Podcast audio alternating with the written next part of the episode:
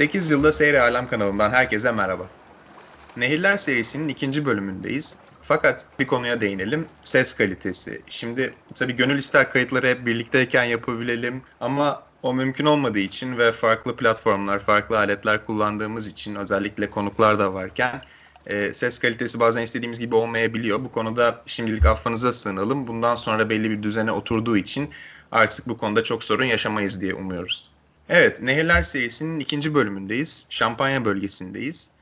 E, yediğiniz içtiğiniz sizin olsun, gördüklerinizi anlatın demek istemiyorum. Yediklerinizi içtiklerinizi de anlatın ki belki gidecek olur hem ben hem dinleyiciler önerilerinizden faydalanalım. Teşekkür ederiz Deniz. Evet, Marne Nehri'ne geldik. Marne Nehri Fransa'nın tabiatı en güzel bölgelerinden ve şampanyanın ana vatanından geçiyor. Şampanyayı ben hep köpüklü şarap olarak bilirdim. Ta ki bu şampanya bölgesine gidip de nasıl yapıldığını, nasıl bir kültür olduğunu anlayana kadar, yerinde görene kadar. Şimdi aslında her ülkenin bu köpüklü şarabı var. Mesela İspanya'nın kavası var. İtalya'nın prosecco'su var. Almanya'nın sekti var ama hiçbir yerde şampanya denemiyor ona. Sadece Fransa'nın bu Chalon, Epernay ve o bölgede üretilen üzümlerinden yapılan köpüklü şaraba şampanya denilmesine izin var. Biz de e, teknemiz keyifle buraya gitme şansını yakaladık. Epernay'dan ve Chalon'dan geçtik. Orada geçerken de teknemizi tabii bağladık ve kavları gezdik hep. Ve bana kalırsa da demin bölmek istemedim. Biz hani İtalyan Prosecco'larını, Alman, Avusturya seklerini, İspanya'nın kavalarını da içme şansımız oldu ama şampanya kadar leziz ve etkileyici değiller doğrusu. Evet şimdi bu iki küçük kasabada ve bir sürü küçük köyde dünyaca ünlü şampanya markaları sıra sıra üreticiler dizili. İstediğini gidip gezebiliyorsun, ziyaret edebiliyorsun. Randevu ziyaret saatleri var. Mesela biz Mersiye'ye gittik ve Mersiye'de bir trene binip 18 kilometre yerin altında kavları gezebiliyorsun. Sana anlatılıyor işte şişeler, fıçılar nasıl çevriliyor, nasıl döndürülüyor. E, hayran olduk ağzımız açık kaldı. Yerin 30 metre altında bu kavlar ve yüzlerce yıl içinde peyderpey kazılmış. Bu 18 kilometre sadece Mersiye'nin kavları. Daha büyük üreticiler de var. Çok sayıda da belki yüzü aşkın belki 200'ü aşkın küçük üretici var. Yani bu Şampanya bölgesindeki 2-3 tane kasabayla 50-60 tane galiba köy var. Bunların altında bir yeraltı şehri var. Bir kavlardan oluşan e, içinde milyonlarca şişe şampanyanın devamlı olgunlaştırıldığı, işlendiği bir küçük şehircik var. On binlerce insan çalışıyor. Çok ciddi bir iş, çok zahmetli bir iş. Biz bir de Avize köyünü ziyaret ettik. Avize köyünde Fale Prevost'a adlı küçük ama çok meşhur bir üretici var. Karı koca çalışıyorlar. Kadın 78 yaşında, adam 80. Kapıyı vurduk tık tık. Kadın dedi katiyen alamam, randevunuz yok. Biz yalvardık ya İstanbul'dan geliyoruz, bir görmek istiyoruz filan diye. Kadın evini açtı. Evini gezdirdi, aletleri gösterdi, kavları gösterdi. 4 saat bize şampanya anlattı. Arazileri çok kıymetliymiş ama iş çok zahmetli olduğu için kadınla adamın çocukları ilgilenmiyor. Ve eninde sonunda diyor bu araziyi biz mecburen büyük üreticiye satacağız. Biz öldüğümüz zaman çünkü bu üzümlere bakacak kimse kalmayacak diye. Hatta adam kocası üzümlerin altına küçük ateşler yakmaya gitmişti. Soğuk yaptı, don oldu, asmalar ziyan görmesin diye. E, tek tek onu yapacaktı. Çocuk bakar gibi bakıyorlar. Çok zahmetli bir iş. Kadın evini gezdirdi derken evde bir iki tane yatak odası dışında her şey şampanya üzerine kurulu. Atadan dededen şampanyacılar. Bir 300 küsur yıldan beri bu Marn bölgesinde şampanya yapılıyor. İnanılmaz bir kültür. Burada e, bizim şampanya konusunu kapatmadan anlatmak istediğimiz bizi çok etkilemiş olan çok hoş bir hikaye var. Efendim Mercier'in meşhur firmalardan 1870'lerden 1930'lara kadar önder olan firmalardan çok meşhur olan Mercier'in mağazasına, müzesine gittiğimizde çok ilginç bir fıçıyla karşılaştık ama fıçı lokomotif büyüklüğünde hani bir büyük kamyon kadar bu aha, 200 bin şişe alan bir fıçıymış. 1889'daki Paris'teki Dünya Fuarı'na hazırlanmış. 10 sene sürmüş inşaatı. Ardından bu fıçıyı 10 öküz 6 tane de büyük beygirle götürmüşler Paris'e kadar. Epernay'dan Paris'e götürmüşler. Paris'te bazı sokaklardan geçemediği için sokağın bir tarafındaki ev 5 tane ev özellikle ön, satın almış e, Mercier patron. Onların ön duvarlarında belli köşeleri yıkmış girebilsin Paris'teki fuara diye. Paris'teki 89 fuarı o sırada kapitalizmin, sömürgecinin şaha kalktığı dönemde İngiltere fuar yapıyor, Fransa fuar yapıyor, diğer ülkelerde fuarlar yapıyorlar. Kendi zenginliklerini sergiliyorlar. Hem ticaret hem propaganda amaçlı. 89 fuarın da çok büyük özelliği bugünkü Eiffel Kulesi o gün yapılıyor. O fuar için yapılıyor. Ve, yüz, ve 1929'a kadar galiba New York'ta Empire State Building yapılana kadar da 30 sene dünyanın en yüksek binası olarak kalıyor. Ve 89'da bir taraftan Eiffel isimli meşhur mühendis ve onun sermayedarları bu büyük propaganda anıtını yaparken bir taraftan da Mercier kendi fıçısını hazırlıyor. Şampanyayla dolduruyor ve 200 bin şişe şampanya düşünün belki içinden 1 milyonu aşkın kadeh çıkıyor. İki, bu uh, fıçı... Bil bakalım kim daha çok ilgi çekiyor? Evet. Eiffel Kulesi mi fıçı mı? Elbette ki fıçıyı ziyaret edenler daha çok oluyor Eiffel Kulesi'ni ziyaret edenlerden. Eiffel Kulesi'nin şanını söndürecek kadar büyük bir olay oluyor. Fıçının yalnız özelliği sadece büyük olması, 200 bin şişe şampanya alması değil. Fıçının üzerinde müthiş bir oyma kalkma işçiliği var. Yani baktığınız zaman bir müze bir sanat parçası, eseri, bir sanat eseri. Antika. Şimdi geçen bölümümüzde köprülerden, irtifa havuzlarından e, bahsetmiştik ama bir de çok uzun bir tünele girdiniz. Keyif belki de dağların altına giren çok az sayıda bir yelkenliden biri belki tek. Evet şimdi Şampanya bölgesinden çıktıktan sonra Marne Nehri üzerinden Mozel'e bağlanmamız gerekiyor. Rota öyle. Mozel'e bağlanabilmek için de Marne-Ren kanalı üzerine e, tabii dağlar var orada. Dağların altına bir tünel kazmışlar. Bu tünel Movaş köyü yakınlarında 1846'da kazılmış, tamamen insan emeğiyle kazılmış ve 4877 metre uzunluğunda. Eni de 5.2 metre yani bir mavnanın bir penişin gireceği kadar. Bu tünele girmek için bu tünel çünkü tek yön çalışıyor. O yüzden önceden telefon açıp randevu alıyorsun VNF'den ve randevu günü ve saatinde orada oluyorsun.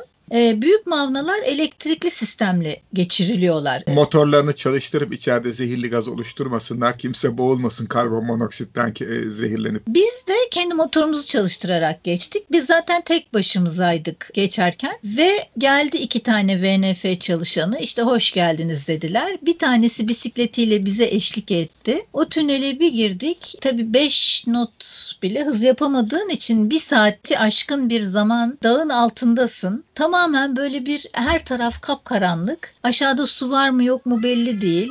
Kenarlara tabii sürtüne sürtüne gidiyorsun. Harika fotoğraflarımız vardı. değil. Çok ilginç fotoğraflarımız var ve oradan da biliyorsun kapkaranlık değil. Turuncu az sayıda tünel ışığı var. Yan tarafta çok dar bir yol var bir insanı yürüyeceği veya bisikletle gideceği kadar. Onun dışında yani fotoğrafı görmeden anlaşılacak bir şey değil. Bir uzay yolculuğu yapar gibi. Hiçbir ışık yok, referans noktası yok. Bir yer çekimi var ama onun dışında nasıl bir yerde olduğunuzu anlamanız imkansız ve bir 45-50 dakika boyunca tünelin ucundaki ışık gözükene kadar çok ilginç bir ruh hali. Ben o ruh halinden kurtulabilmek için bol bol fotoğraf çektim zaten. Neyse nihayet çıktık ve biz öbür tarafta bekliyorlardı. Biz de onlara baklava ikram ettik. Onlar da ya buradan geçen ilk Türkler sizsiniz dediler. Ellerimizi sıktılar, tebrik ettiler. Çıkmış olduk. Yani çok ilginç bir maceraydı. Daha sonra e, Main kanalı üzerinde e, Avrupa'nın en yüksek noktasına kadar da çıktık. 406 metre yükseğe çıktık. Yani kah inerim yer dibine, kah çıkarım gökyüzüne şeklinde keyfi her yerden geçirdik. En yüksek nokta Mont Blanc.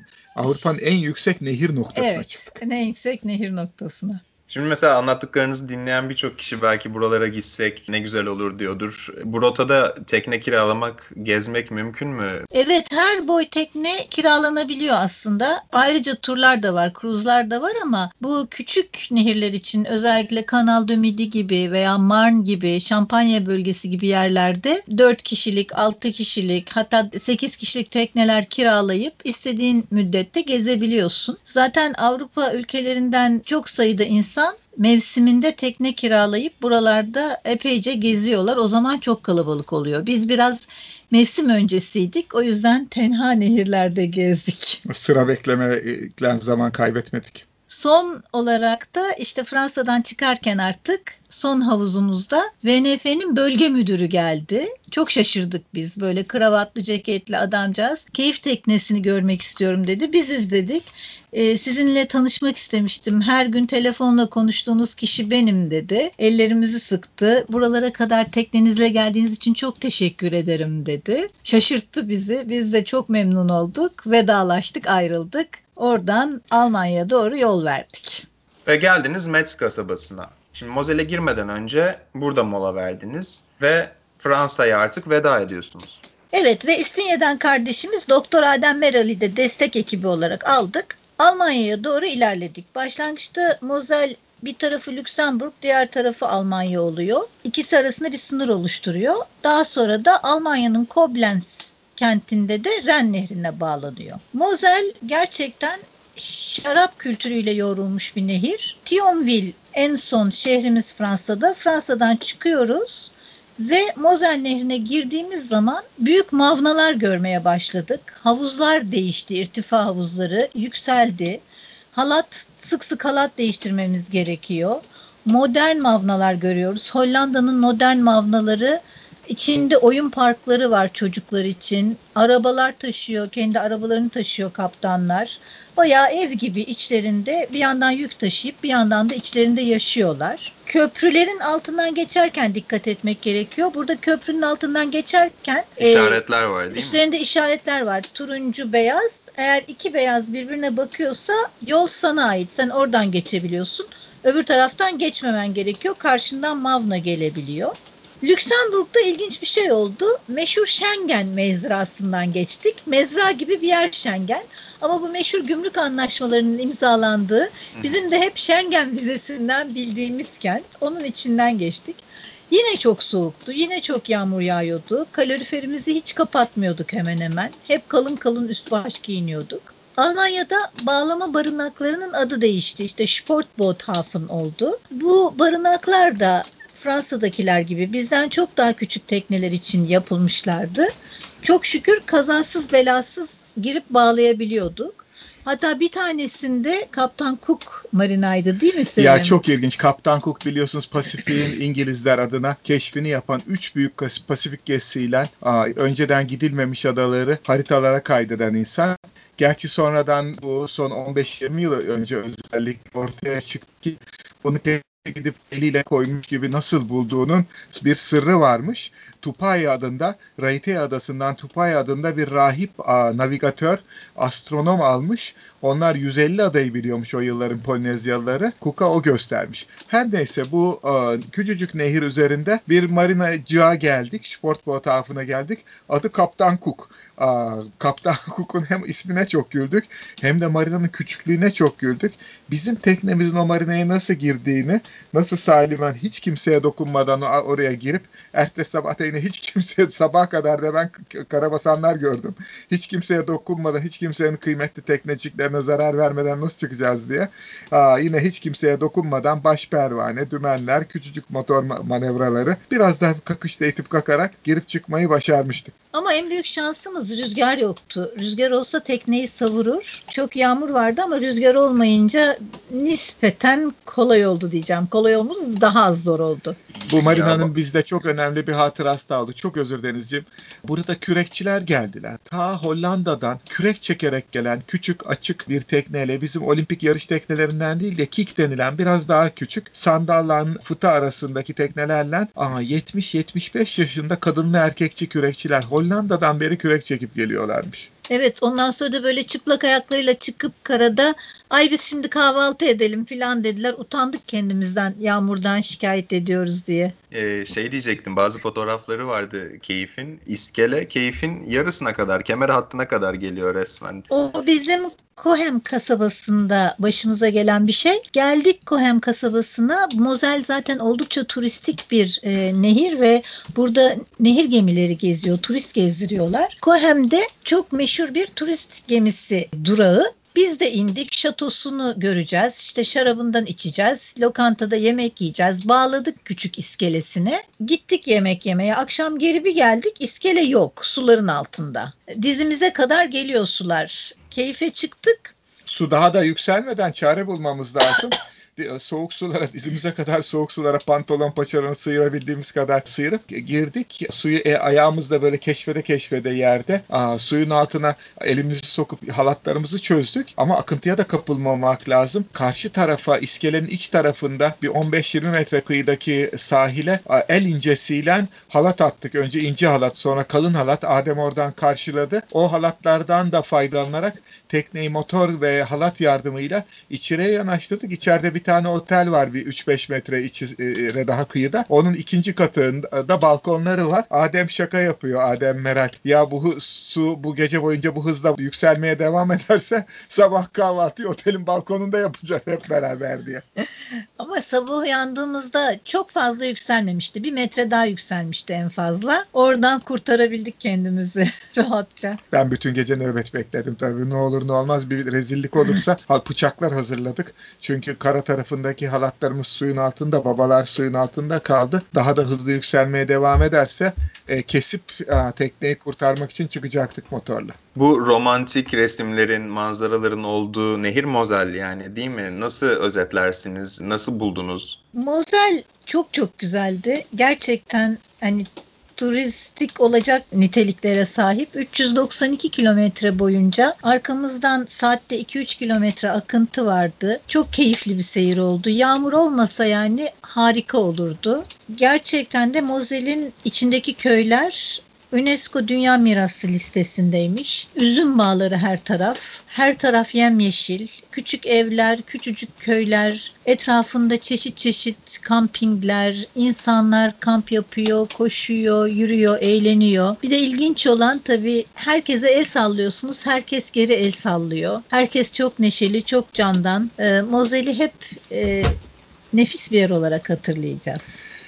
Avrupa'nın en güzel küçük nehirleri Mosel, Marne, biraz da Almanya'nın güneyine küçük güney nehri Main. Eh Mosel böylece bitti. Ren nehrine ulaştınız. Çok kuvvetli bir akıntısıyla meşhur e, Lorelay var. Bir efsane de var sanırım bununla ilgili. Evet bu Ren Nehri'nin Lorelay bölgesi ile ilgili bir efsane var. Bu Lorelay bölgesi aslında Ren Nehri'nin çok daraldığı, kayalıkların olduğu ve akıntının çok arttığı bir yer. Aynı zamanda o kayalıklar da tekneler için çok büyük tehlike oluşturuyor. Bu efsanede de Lorelay isminde genç güzel bir hanım aşığı gelmeyince kendini sulara atıyor intihar ediyor. Sonra da işte hayaleti hep o kayalıkların üstünde şarkılar söylüyor, sesleniyor gemicilere, balıkçılara. Gemiciler, balıkçılar da onun sesini duymak için o kayalara yaklaşıp parçalanıyorlar. Böyle bir efsane var. Biz de hakikaten korkuyorduk o akıntıdan. Koblenz kentinde Deutsche Ecke denen bir yer var, Alman köşesi.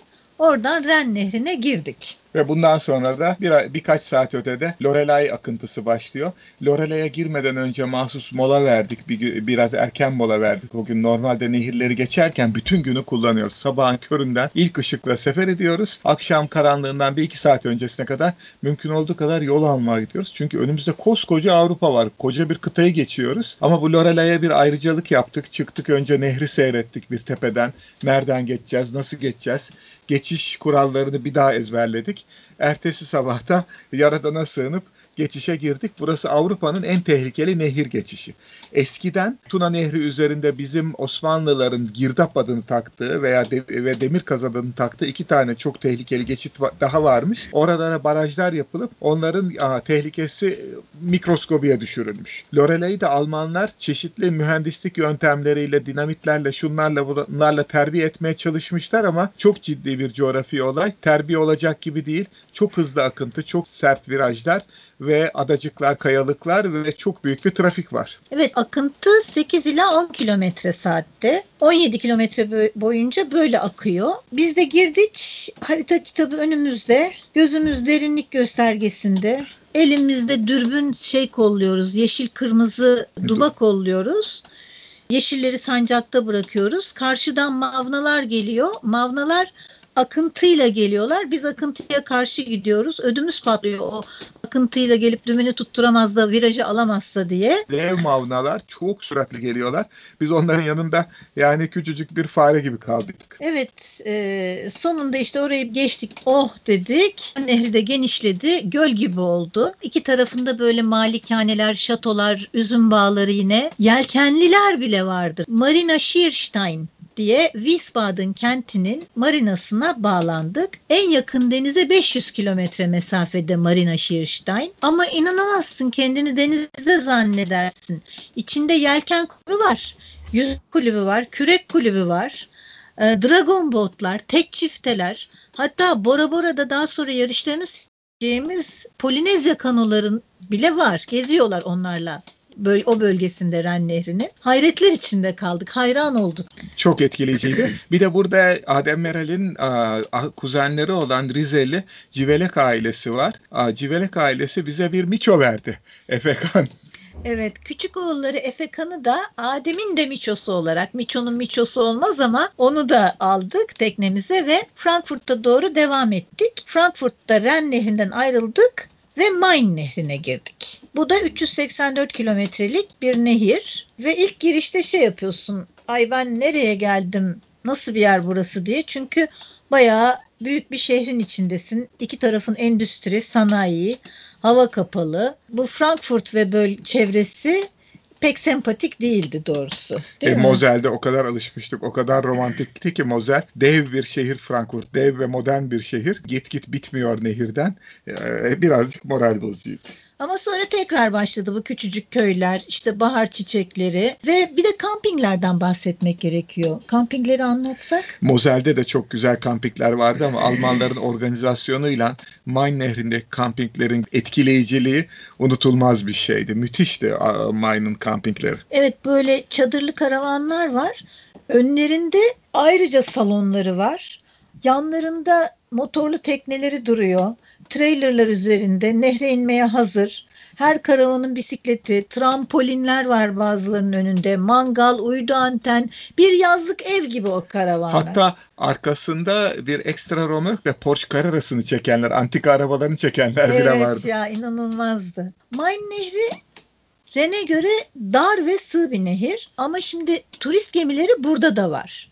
Ve biz farkında değildik. Turist gemileri gündüzleri konaklıyorlar. Turistleri gezdiriyorlar. Turistler Geceleri... çıkıp şehri geziyorlar. Çünkü Main'in üzerinde çok romantik, çok unutulmayacak güzelliklerle bezeli tarihi Alman şehirleri var. Gece de seyir yapıyorlar. Biz de gece seyir yapamıyoruz. Küçük teknelere gece seyri yasak nehirlerde.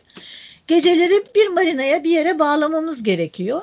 Ee, bir seferinde bağlayacak yer ve sığamadık. Tekneyi sığdıramayınca dedik ki nehrin kenarına bir yere demir atarız ne olacak? Nehrin böyle nispeten genişlediği bir yerde demir attık. Ağaçlardan da bağladık ve de sonra gece başımıza o zamana kadar anlamadığımız bir fenomen geldi. Bir felaket olabilirdi eğer biz metal tekne olmasaydık. Nehir canavarları bastı. Şimdi gece uyuyoruz.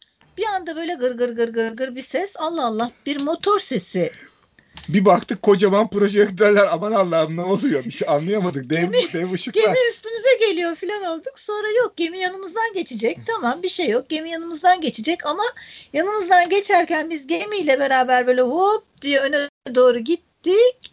Gemi geçtikten sonra güm diye geriye bir oturduk ve anladık ki anladık ki bu çok büyük gemiler.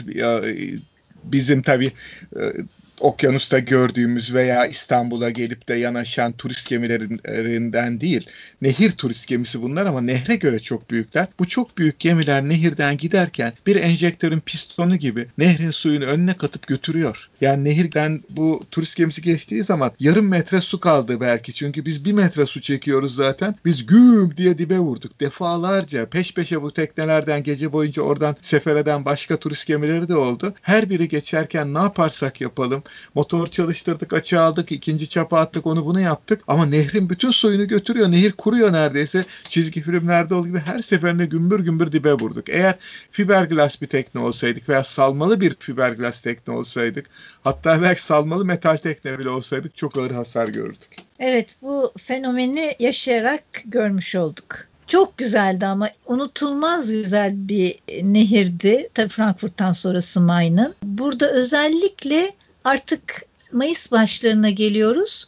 Kuğular yumurtlamış, yumurtalar çıkmış, yavru kuğular annelerinin sırtında. Altı tane yavru annelerinin kanatlarının arasında geziyor. Ördekler. Zaman zaman ördek iniyorlar, yüzüyorlar o kuğu yavruları, kuğu civcivleri. Ardından yoruluyorlar veya başka bir kuş falan görüyorlar. Korkuyorlar. Pırırt diye annelerinin kanatları sırtına çıkıp kanatlarının arasına saklanıyorlar. Bir tek kafaları gözüküyor. Ördek yavruları, inanılmaz güzel aileler, ördek aileleri. Bir de tabii etraftaki kasabalar da harikaydı. O ortaçağ kasabaları hepsi korunmuş, hepsi bakımlı, şipşirin. Barınaklar bu e, girdiğimiz amatör balıkçı barınakları, amatör e, limanlar inanılmaz şirindi. Hepsi birbirinden güzeldi. Main Nehri'nde 34 tane irtifa havuzundan geçtik. Bamberg kentine geldik. Orada da tayfalarımız Adem Meral ve Efe Kancivele'yi u- uğurladık. Uğurlarken de Efe Kan'a bir diploma töreni yaptık. Artık onu da miçolarımız arasına kaydettik böylece. Bu bölümü artık yavaş yavaş kapatalım. Üçüncü bölümde de Tuna'yı konuşacağız ve artık Köstence'ye varıyorsunuz. Hatta bu isterseniz ondan önce bu kısımla ilgili Doktor Adem Meral'in ismi çok geçti. Onu da davet edelim. Kısa onunla da bir konuşalım. Anılarını anlatsın. Çok çok teşekkürler. Ee, Son bölümde görüşmek üzere. Teşekkür ederiz.